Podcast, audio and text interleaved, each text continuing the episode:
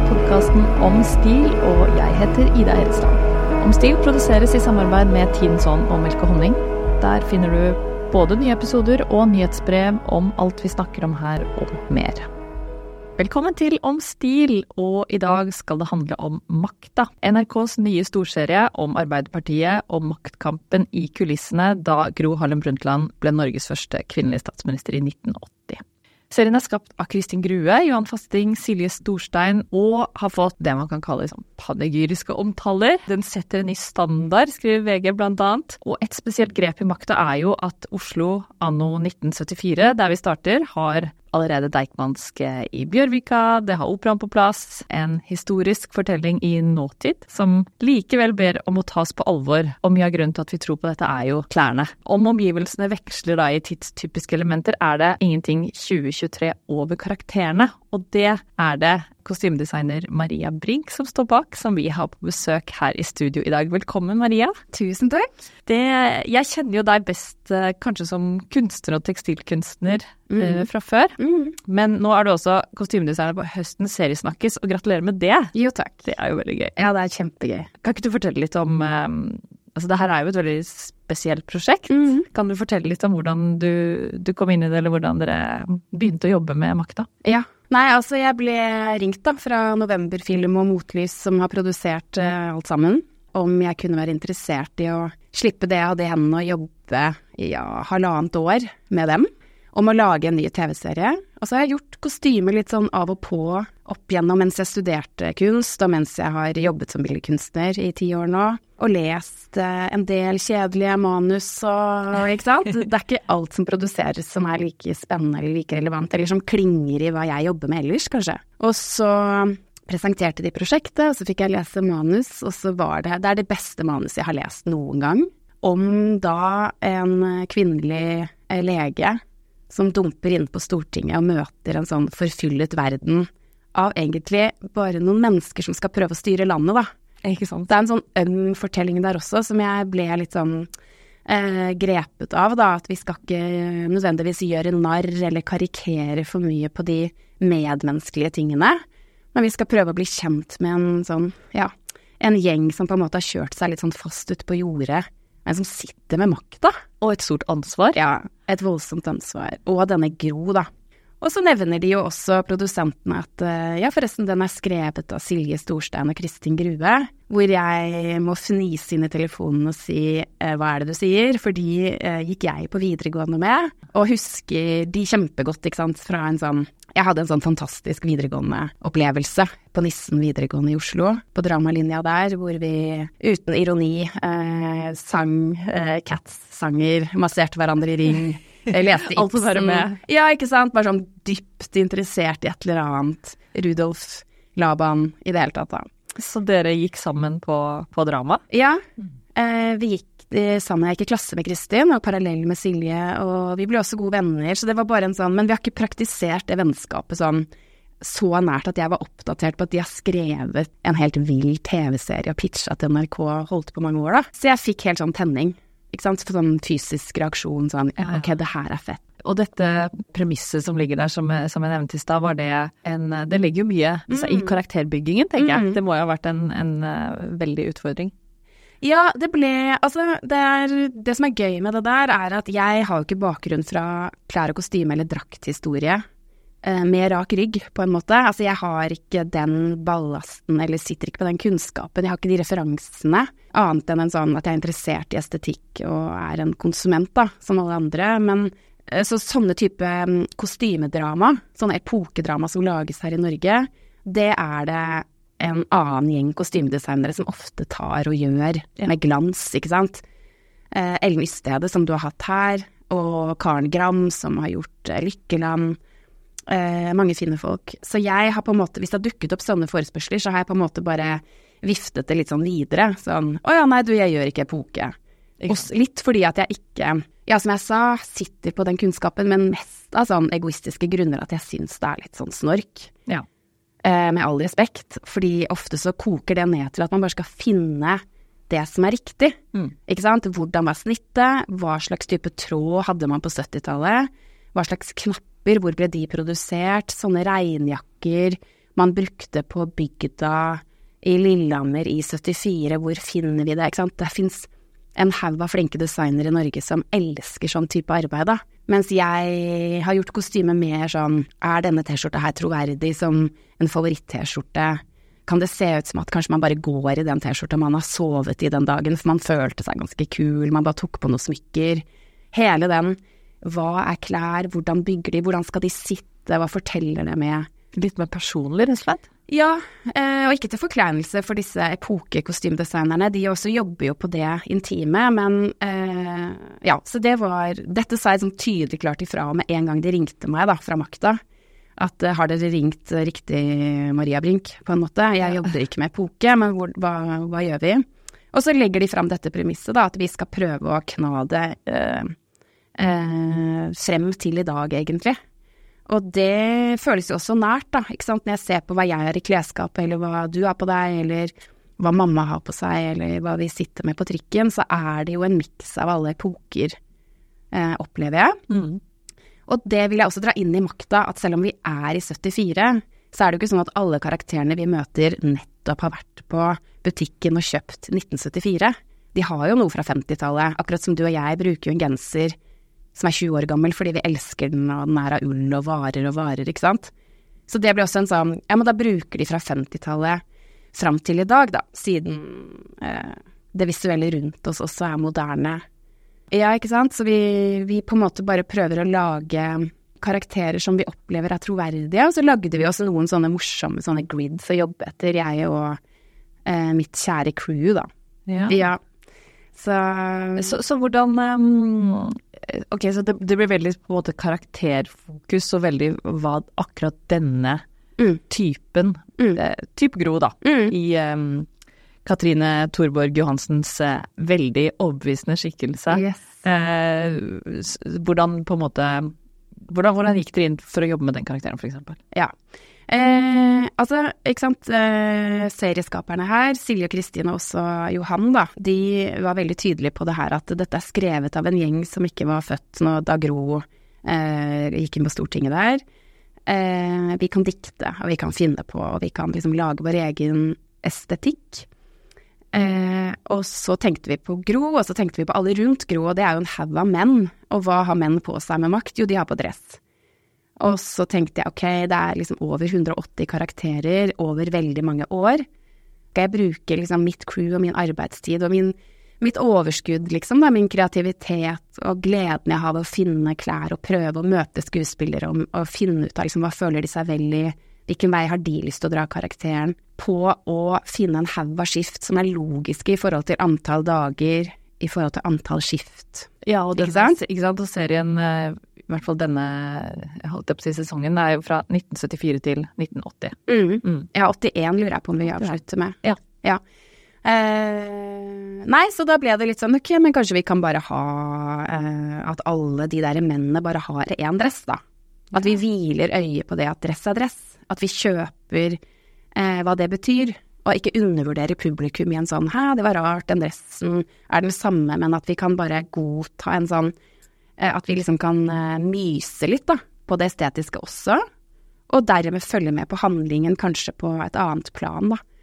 Eh, men også det å tenke litt at denne dressen eller dette antrekket er på en måte et sånt verv man kler på seg, da. Det, liksom det, det maktansvaret man har fått og tatt og skal prøve å forvalte, at det også er noe kanskje man bare må kle på seg hver morgen disse slitne menneskene som sitter med denne makten som er levert i barnehagen, eller ja. har vondt i magen, eller har mensen, eller Ikke har hodepine, eller så skal de liksom inn på Stortinget og drive og Ja, skal vi se. Ja, ja. Vent litt, hvor var jeg hen? Liksom? Så har de hørt på en rar podkast, de også, på vei til Stortinget. Jeg ville liksom prøve å finne ut av de folka der, da. Og det eh, sies jo at, eh, bare for å skyte inn Barack Obama, når han begynte på sin presidentperiode, bestemte seg for at ok, her kjører jeg to dresser. Én ja. svart, én mørkeblå. Ja. Har x antall versjoner av akkurat den samme dressen. Nettopp. Og som minimerer antall avgjørelser jeg må ta på en dag. Nettopp. Kult. Mm. Det visste jeg ikke, men det er jo veldig lurt. Og det vi gjorde i så måte, var jo det å liksom tenke at ok, rent praktisk da, så må jo skuespillerne våre få lov å komme til en ren skjorte på morgenen. Men når vi filmer til elleve om kvelden, og så skal vi på igjen seks om morgenen, eh, så prøver vi å unngå nattarbeid, på en måte, for mitt crew, da. Så da blir det sånn, skal vi kjøpe kjøpe 15 skjorter, eller skal vi farge 15 skjorter gule? Eh, eller skal vi bare finne 15 gule skjorter som ligner sånn litt? Og det var sånn innmari fresh, eh, eller forfriskende, for å snakke norsk, eh, måte å jobbe på. For eksempel Reiulf Steen, da, som er en stor karakter her ved siden av Gro. Eh, han går i den samme dressen hele tiden, som for øvrig er Jan Gunnar sin far sin gamle dress. Oh, ja. Jepp. Um, og så har han en sånn fargekode, da, at han bruker liksom gul og grønne skjorter ettersom eh, hvordan han har det, da. Og jeg la merke til at han også hadde i, i, et, uh, i en scene, eller kanskje når han blir introdusert første gang, der han har en høyhalsa genser. Ja. Og så, sånn at det, de, dressen er den samme, men Ja. liksom skjorter, ting, slips kanskje endrer Nettopp. seg. Mm. Det intime liksom, kan vi snakke om gjennom en- noe som, gjennom accessories og gjennom hvilke farger er det på slips og det er kjempegøy. Det er jo sånn det er. Ja, og så er det jo et sånt bærekraftspørsmål også, da. At istedenfor å på en måte farge inn masse skjorter i den samme gultonen for å gjøre dette riktig i forhold til nedbrekk, da. Og ja, men nå klipper vi mellom masse scener, og så har han forskjellige gule skjorter. Så ha, klarte jeg på en måte å hamre inn til regissør og serieskapere etter hvert at på en måte Ja, men Reiulf tror det er den samme. Mm. Han tror han har tatt på den samme gule skjorta. Han er helt ute, liksom. Han holder på med helt andre ting. Han er han strever emosjonelt, rent konkret, da, og skal også på en måte forvalte det vervet sitt. Og får ikke støtte på eget parti etter hvert, ikke sant. Han tror han bare har tatt på seg en skjorte og en dress. Ja, og, og, ja, ikke sant. Og Mm. eh, nettopp det, det, det klinger riktig med karakteren, men også med hele premisset for serien. At Ja. ikke sant, suspense of disbelief, vi det, det er karakterene og skuespillerne Ja. og handlingen som driver det. Ja, og karakteren tipper at han har tatt på seg det han skulle. Og det kan man noe Dette går over hodet på sikkert veldig mange publikummere som eh, også er velkomment, da. Ikke sant. Det er bare at jeg og mitt crew vi har liksom nerda litt på dette og kost oss eh, med det. Og så Gro, som du spurte om, masse skift. Og hun er den eneste karakteren gjennom tolv episoder, ikke sant. Vi har seks nå, seks episoder fram til jul, og så seks etter jul. Eh, hun skifter. Hun er Hun representerer forandring, og hun er eh, en av veldig få kvinner, da, i hele denne historien. Eh, og det var også fantastisk å jobbe med Katrine, som spiller Gro, eh, som kunne mye mer, så klart, om Gro og hennes historie enn hva vi gjorde. For vi gikk også inn for en slags sånn, nesten sånn eh, anti-research, da, Ja. på de fleste karakterer, for å ikke stagnere i noe sånn Hvordan gikk egentlig NR Førde, eller hvordan Ikke sant, Sånn ville det ikke vært, men ja, prøve å fri oss fra referanser, da. At liksom en referanse er ikke en idé, vi må prøve å bare finne ideen først. Og så innimellom, det var noen ganger vi frika ut da, når det kom sånn fantastiske skuespillerinnen som hadde gjort research på karakteren sin. Og vi bare ja, men vi har vårt konsept og Eh, Dette ville ikke den personen gått i. Ja, ikke sant. Mens vi bare jo, men Og så liksom løper vi ut på do og googler liksom eh, hvem det skulle være. Og så bare ja, men allikevel, vi syns dette holder for det. Og altså det å på en måte eh, være litt sånn kompromissløs eh, konseptuelt har også vært en stor glede det året her, da. Og bare Og det har gitt en trygghet, tror jeg, til skuespillere, da. De har kost seg i det. Å ja, ok, jeg skifter ikke de, eller å nei. Eh, Nader som spiller Einar Førde, han bruker kun sånne zip Nei, unnskyld, sånne pikétrøyer Ja. i en slags overbevisning om at han gidder ikke å vaske skjorter eller stryke skjorter. Han bare har på seg noe Ja. Så det er ulike sånne historier vi har diktet opp, da. Så dere har jobbet fram en litt sånn egen metodikk, rett og slett? Ja, det tror jeg. Ja. Ja, og den har vi liksom levert, eh, holdt et sånt bitte litt sånn pep-foredrag når skuespillerne har kommet inn til oss. Eh, og det som har vært koselig, er jo at eh, det er så stor produksjon, og det er sikkert et lite skuespillermiljø etter hvert da i Norge, som gjør at ryktet hadde liksom gått litt i bransjen. Så det var stas når det liksom kommer inn nydelige skuespillere som gjør de største rollene på teaterne våre.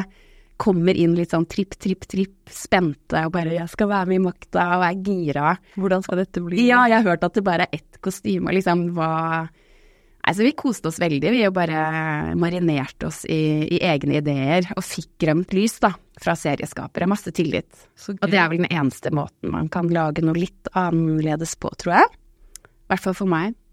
Så det var uh... Ja, for du har hatt et lite dedikert team med deg. Det har vært, uh, hvem er det som har vært med deg på dette? Du, jeg har hatt med meg Turid Alida Røsten og Kristin Gjess Rodin eh, dette året, da. Vi jobbet sammen. Og så hadde jeg Anna Soleil på sett, som det heter, da, som har ansvaret for å kjøre hele skuta fra seks om morgenen til eh, langt på natt. Med 180 skuespillere? Ja, ja. Og hun fikk sine assistenter, og jeg tror vi klarte å, å trives på jobb da, med nok folk. Men jeg eh, inviterte med meg Turid og Kristin fordi de begge representerer en veldig sånn solid stamina i forhold til egen stil.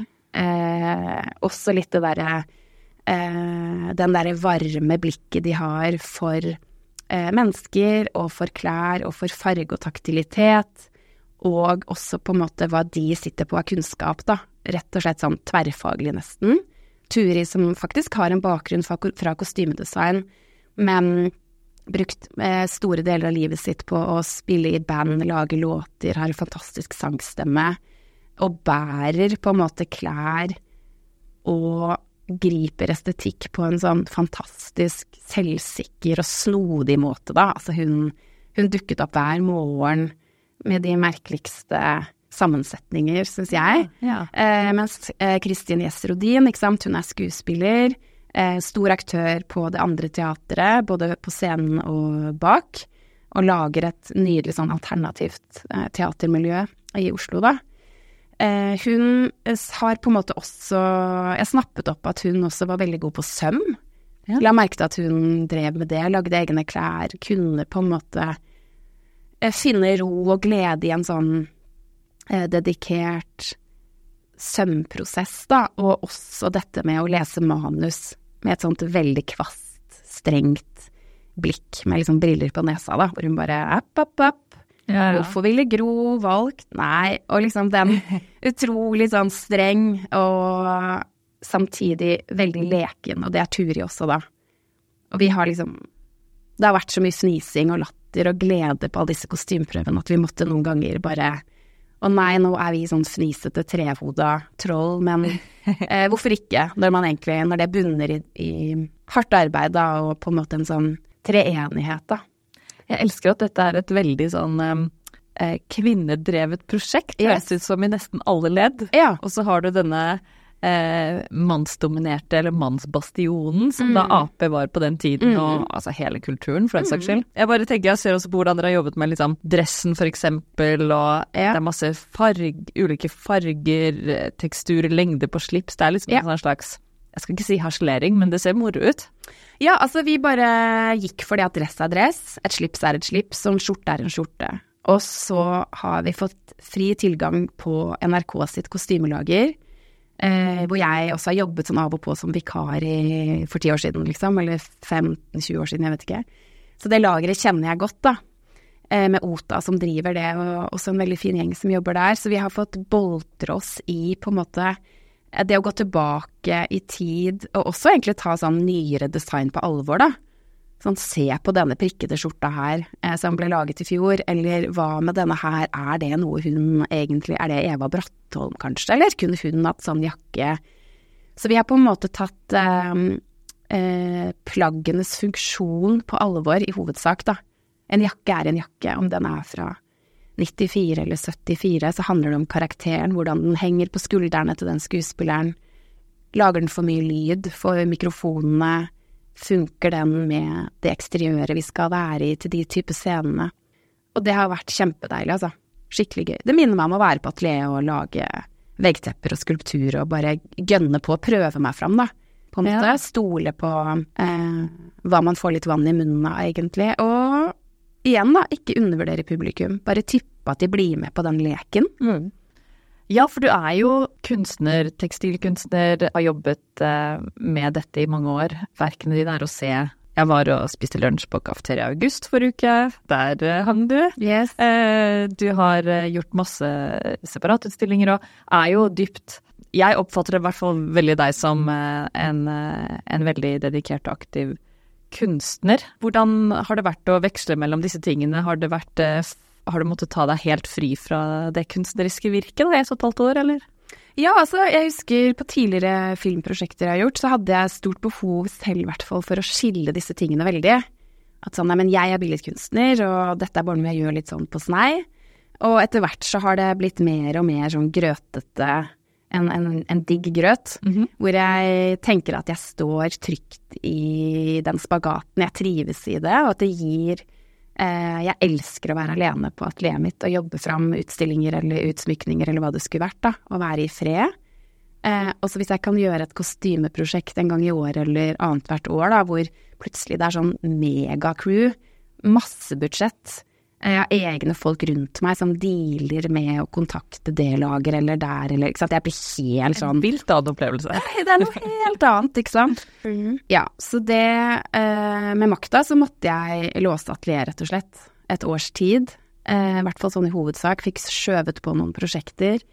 Eh, så jeg kunne gjøre dette. Og én ting er jo det kreative, å kunne på en måte ha en sånn eh, mandag til fredag-loop med Kristin og Turi Eh, fikk eget kostymelager, og det å på en måte eh, kunne ha en sånn flyt kreativt, men også det personalansvaret, da, ved å skulle ta vare på også de og vårt samspill. Eh, det skjer jo mye i løpet av et år med mennesker som jobber sammen. Eh, hvilken syklus, ikke sant, månefase, krigen i Ukraina brøt ut. Det var virkelig en sånn plattform for å på en måte dyrke også det med å være det trehodede eh, skjønnheten, da, eh, som skulle lage dette kostymedramaet her. Så ja, da måtte jeg holde meg litt unna atelieret, og så gir det masse energi til eh, siste opptaksdag, eh, hvor jeg vet jeg skal tilbake på atelieret. Jeg har ikke lyst til å lese et manus på årevis, på en måte. Ikke sant, og bare Ja, så den ding-dongen der trives jeg veldig med nå, da. Så får vi se om det blir noen flere kostymeprosjekter etter hvert. Eh, men eh, nei, det var en stor glede, og etter hvert så føles det likt. Det der med å Du vet, med kostyme så er det noen ganger at det kan bli litt sånn utstudert, opplever jeg da. At det er litt sånn å ja, den veggen er grønn, og så har vi sånne type tepper, så da kan det være lurt med en sånn type dress og den type bluse. Sånne type forklaringer, nærmest, har vært litt sånn Har gitt litt poeng, da, føler jeg, i den bransjen. Mens nå prøvde vi å fri oss litt fra det, og egentlig også ha et mantra om på en måte Det er jo ikke sikkert at vi møter Gro den dagen på partikontoret i den blusen hun trives best i. Nei. Det er jo ikke sånn vi lever livene våre. Det er ofte man kan sitte i et viktig møte eller tenke på noe trist, eller møte en venninne, og så kan man titte ned på seg selv bare å ja, tok jeg på den buksa, liksom? Den er jo kjempevond i magen, eller å ja, den er full av kakao fra i går, eller Ja, ikke sant, det ble litt feil sånn. Ja, på en måte ikke skulle matche omgivelsene sine, men eh, i det minste at det er troverdig at den henger i klesskapet til Gro, da. Eh, så det var viktig for meg, å prøve å lage et type klesskap, og det er jo masse kostymer og drakter og bluser vi fant eh, til Katrine, som er Gro i denne serien som ikke brukes, men som faktisk gir en tyngde til karakteren, opplever vi, da. Også ved at de ikke brukes. Ja, ved at? Det, det er liksom Altså, at det er tilgjengelig Nettopp. i en Det bygger karakteren. garderobe. Men, Ja. Mm. Men at vi, det er jo ikke nødvendigvis slik at uh, man alltid har teft for uh, å treffe riktig i forhold til interiøret på den restauranten man skal, da. Så det liker jeg også, på en måte, å frigjøre meg litt fra noen sånne kanskje måter å lage en sånn kollasj på. Og det føles også nært når jeg lager veggtepper eller skriver tekster eller eh, spikker øredobber, da. At det handler jo mer om en sånn ta Stole litt på prosessen. Starte et sted og stole litt på at her har jeg lyst til å være, her er det et eller annet jeg skal lage. Og jeg tipper at det gir mening etter hvert, eller at det kan plasseres enten i mitt kunstnerskap eller der ute i verden, eller som nå, eh, på disse karakterene innenfor denne episoden, da. Og så lager man Vi fant også sånne løsninger som er praktisk lurt og estetisk kjempegøy, som for eksempel at alle journalister i Makta, i TV-serien, de har eh, rutete skjorte, jeans og skinnjakke. Det er en ganske basic uniform Ja, ja. som vi ser i gata hele tiden, og som du og jeg har på oss noen ganger. Og den kan også gå tilbake til 50-tallet, og den kan gå fram til i dag, ikke sant. Definitivt. Og den er også eh, litt sånn mild for en statist som skal være med. Eh, ikke sant? Det er jo en, eh, hundrevis av statister i denne TV-serien som gjør en kjempejobb, da. De tar seg fri fra sitt, ikke sant. De også er levert i barnehagen og skal være statist i denne TV-serien. Med store skuespillere og et kjempeapparat og 3000 varebiler utenfor, og alle skal inn på tid, og akkurat kvart over tolv må vi filme, og penga ruller, ikke sant. Og så har vi denne haugen med statister, da, som vi også hadde som en sånn eh, Vi tok noen sånne high five på det, jeg og Kristin og Turim, at de skal i hvert fall ha en fin dag, da. Ja. Ikke sant? De er med på dette, og de tjener kanskje ikke all verden, men de skal i hvert fall ha en god opplevelse.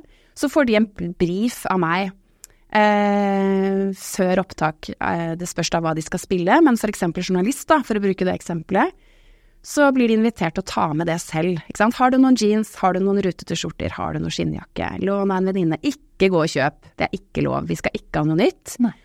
Eh, lån av en nabo eller sånn og sånn. Og så har vi med oss noen bager, så klart, da. Sånn rutete skjorte kvinner, rutete skjorte menn. Noen skinnjakker der og noen jeans der og sånn.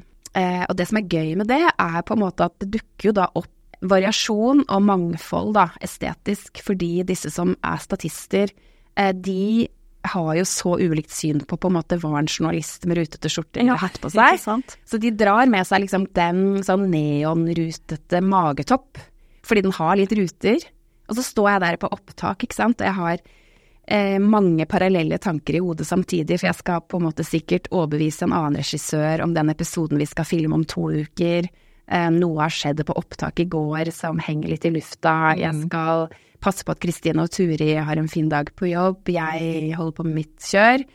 Mm, så møter jeg denne statisten, da, og så har hun med seg den korte magetoppen med de sånn syrlige striper og en skinnjakke som jeg på en måte litt sånn Er du seriøs? Liksom, er det sånn skinnjakke du har tatt med? Og så åpner det seg heldigvis eh, så mange muligheter i det ved å ta det på alvor, for hva vet jeg? Det er jo også en journalist, tydeligvis.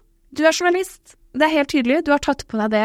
Eh, rekvisitørene på makta gir liksom de en blokk og en kulepenn og noen kameraer og en paraply hvis det regner. Eh, og der har vi en journalist. Jammen meg. Hvorfor? Dette har jeg bedt om. Ja. Og innimellom selvfølgelig kan jeg på en måte hoste litt eh, til Kristin og Turi og si sånn, vet du hva, den der må vi bytte med den. Eller nå ble det for mange flanellskjorter her. Så det er også en glede å på en måte lage noen rammer, men slappe litt av i de også. Så, og det gjorde også at jeg kunne stole veldig på um, crewet mitt, da. Ikke sant, Kristin og Turi og Anna som var på sett, at så lenge de har noe rutete inni den skinnjakka, så funker det. Jeg er i Kautokeino og gjør research til episode sju. Ikke sant? At det, alt Det er et lokomotiv, da. Ja da. Så det er altså sånt gode minner med å jobbe med disse mindre kvar eh, karakterene også, for så vidt. Ja, og det å stole på, som du sier, prosessen, stole på det rammeverket Mhm. dere har satt, stole på også at folk får bidra litt med sitt. Mhm. Altså enten om det er liksom deres aura og personlighet, eller Ja. de valgene de tok, at det Ikke er en del av pakka. Ja, Det er Kjempegøy. Ja, ja, og jeg husker også noen sånne samtaler eh, hvor man kan, ikke sant, for eksempel med Johan Fasting, da, som er serieskaper og som også har regi på én episode. Han, der skulle vi filme liksom masse sånne eh, businessmennesker i møter, hvor jeg sier at eh, jeg syns vi skal bare gi alle disse statistene og alle disse skuespillerne denimskjorter med fargede slips inni blazer. Og så gliser han og bare 'hvorfor det?' Jeg bare 'nei, hvorfor ikke'? Hvorfor ikke? Ikke sant? Og han bare nei, det sa han, hvorfor ikke? Og så, så lenge det på en måte ikke blir sånn for mye sånn tivoli, eller for mye sånn konsept, konsept, konsept, men at, vi, at det blir melert og mykt og variasjon, og at det blir noe de ser godt ut i, at det er troverdig, estetisk. Og igjen, gjerne at dette går over hodet på den gjengse publikummer, så er det i hvert fall en type lek og en sånn eh, ja, det er vel en selvtillit der, og en ambisjon der, men det er også en sånn forhåpentligvis et varmt blikk på, en sånn ømhet på på en måte stole på alle disse klærne som allerede finnes, og disse eh, sammensetningene som er mulige, da, rent sånn stylingmessig også. Mm. Og da kan jeg slippe den episoden litt, i hvert fall de dagene de skal filme alle de debattene, så kan jeg si til hun som er på sett at så lenge de har det, så er det bra for meg, da. Og så sender de meg hundrevis av bilder som jeg skal godkjenne, liksom. Men ja, det er mange morsomme måter å um, ta tak i denne estetikken på, da, syns jeg. Som har vært eh, velkommen til makta, som jeg er veldig takknemlig for. Mm. Dette med karakterer, du snakker om um, skuespillere, hvordan de får rom til å leve karakterene, eller dere, dere skaper dette større rommet, da. Mm. Denne garderoben. Mm. Uh, jeg tenker på at du nevner eh, Du har med deg en skuespiller. Du har også vært skuespiller selv. Du, eh, litt sånn, Er det en grunn til at du har med til å spille til bare BA da Yes. du var litt yngre? Ja, da var jeg 17 år. Uh, time of my life Ja. etter videregående og for å lande en sånn type rolle. Kjempefint crew da, med ja. Petter Ness og veldig mange flinke fagfolk. Og Elly Stede, faktisk, oh, ja. som du har hatt på besøk her. ja. Eh, det var jo 2003, ikke sant. Det er 20 år siden. Eh, jo, da spilte jeg i den. Hadde det kjempegøy, men var ganske uinteressert da, i å være foran kamera. Ja. Og da skjønte jeg at det fins jo flere faggrupper her. Og da var jeg sånn um, klegg på For det var drømmen først, å være skuespiller? Ja, eller jeg elsket liksom teater, film, dans. Alltid blitt dratt med inn i teater av mamma og pappa. Og liksom stor glede rundt det kreative der, da. Og hadde det kjempegøy på Nissen, på dramalinja der. Og også dette med tekst og dramaturgi og alt det der. Og hvor overfladisk man kan på en måte bare surfe på det når man er 17 år, da. Ikke sant. Ja, det var en ja. glede. Ja, ja. Da spilte Jeg fikk den rollen, kjempegøy, men da ble jeg helt sånn klegg på den produksjonen. Sånn hvorfor har jeg på blå skjorte når veggen er grønn, og jeg glemte liksom å lese replikker, men ville heller bare dilte etter Ellen og se hvordan hun jobbet, eller hvordan scenografene sto og malte ut i sola for at noe skulle bli klart Jeg fikk opptak noen dager etter. Altså der sto jeg og Det var den ekte magien, liksom? Ja, det, det ga mening, da.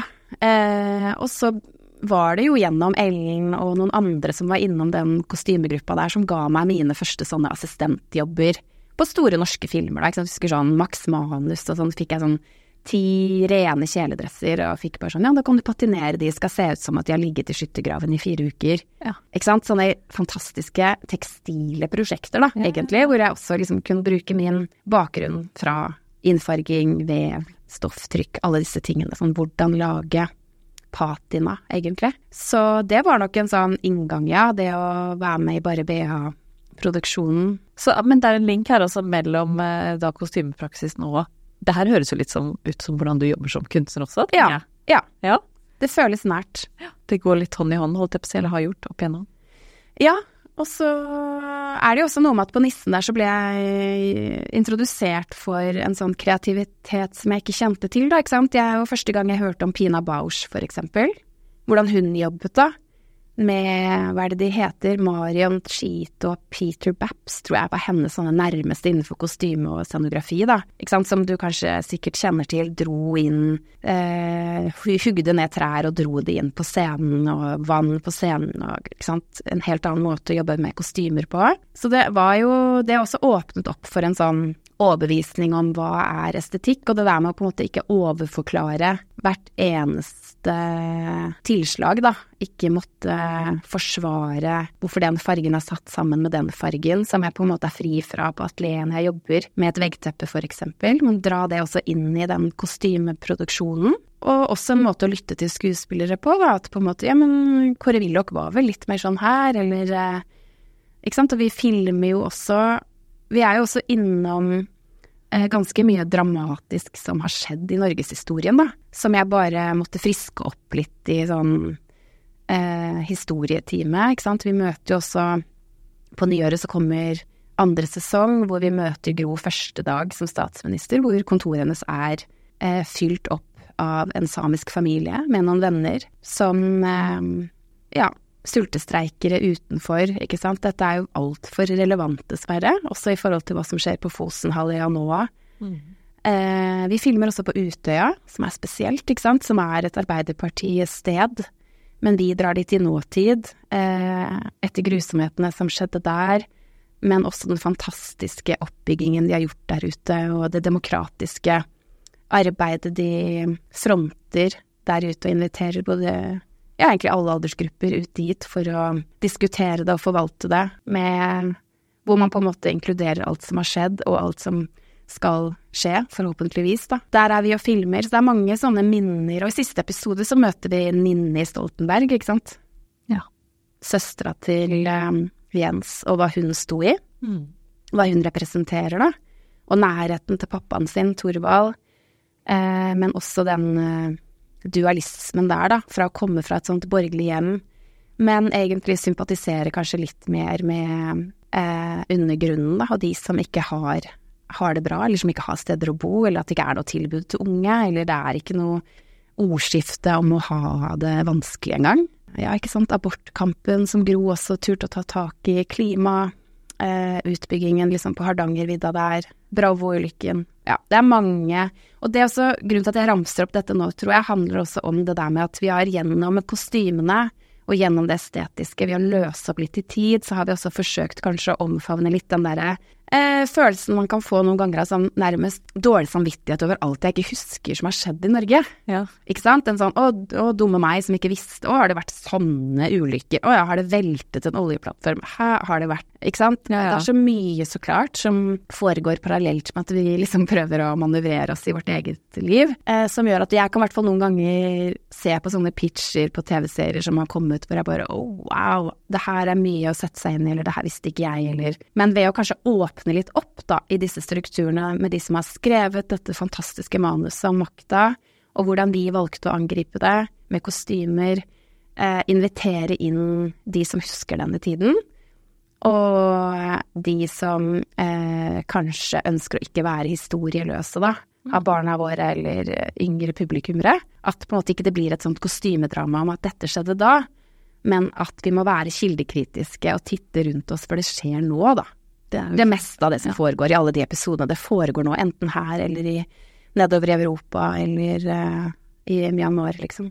Ja, altså man eh, En brytningstid på mm. veldig mange måter som, som speiles nesten, ja, som du sier, uhyggelig eh, godt i dag, da. Ja. Eh, og som gjør serien ekstra relevant. Ja. Jeg tenker bare sånn, du, du selv er jo født i 84. Hva husker du selv av Gro, eller det, kan du huske noen ting i det hele tatt?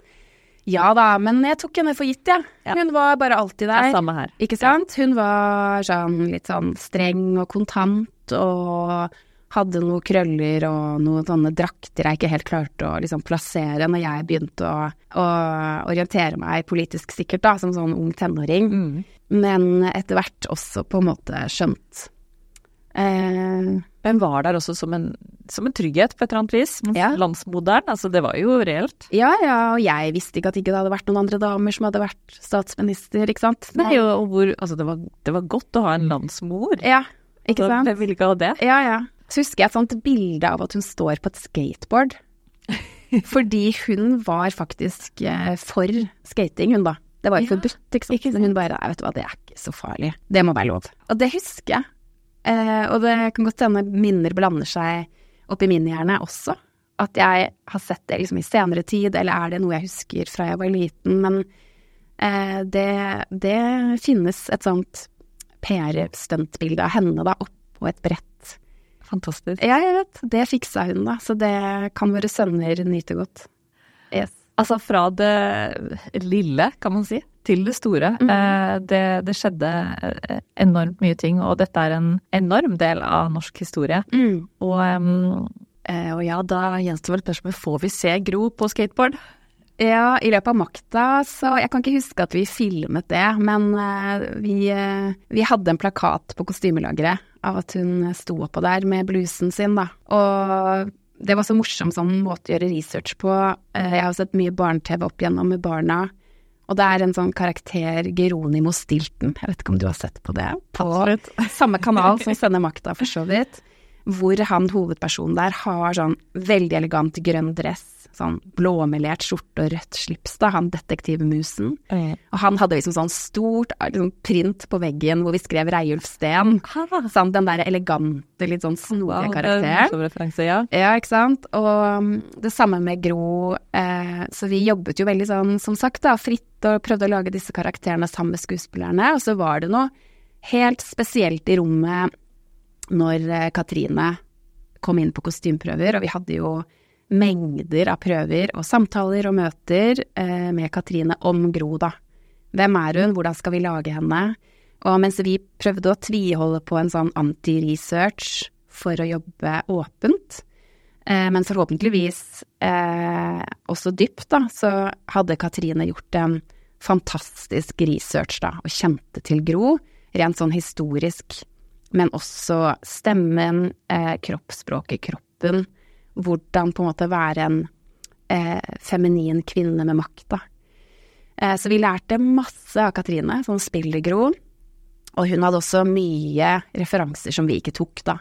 Sånn, ja, og det smykket, det Arbeiderpartismykket, og vi bare hæ, ja, ok, det må vi finne, ja, og det skal være såpass stramt fordi hun fikk sånn eh, sånn derre sinneutslett på halsen når hun ble emosjonell, da, Gro.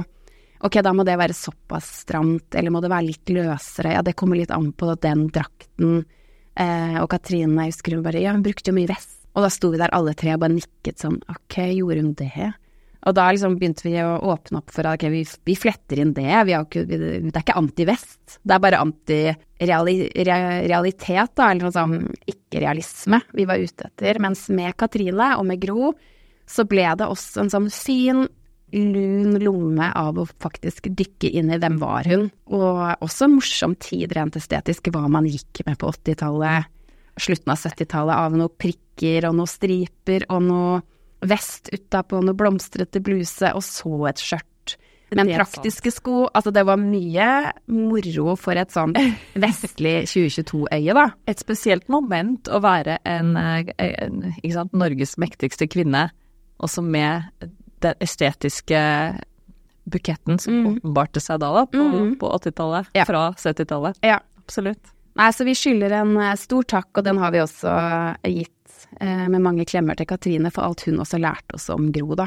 Nei, vi er kjempestolte. Det er en veldig fin produksjon, og det som er gøy, er også at den starter ganske forsiktig. Så nå har de jo sluppet per nå to episoder, det kommer snart en til. De vises jo søndager på NRK, og det tar helt av. Ja, og det bunner i hva som har skjedd i Norge. Og så er det Ja, den spinner helt vilt av gårde. Masse morsomme episoder. Det er bare å glede seg. Ja, jeg tror det. Dette blir gøy. Yes. Tusen takk, Maria, for at du kom til oss i dag. Følg med på Makta søndager på NRK. Eh, mye morsomt i vente helt fram til neste sommer, rett og slett. Yes. Takk for meg.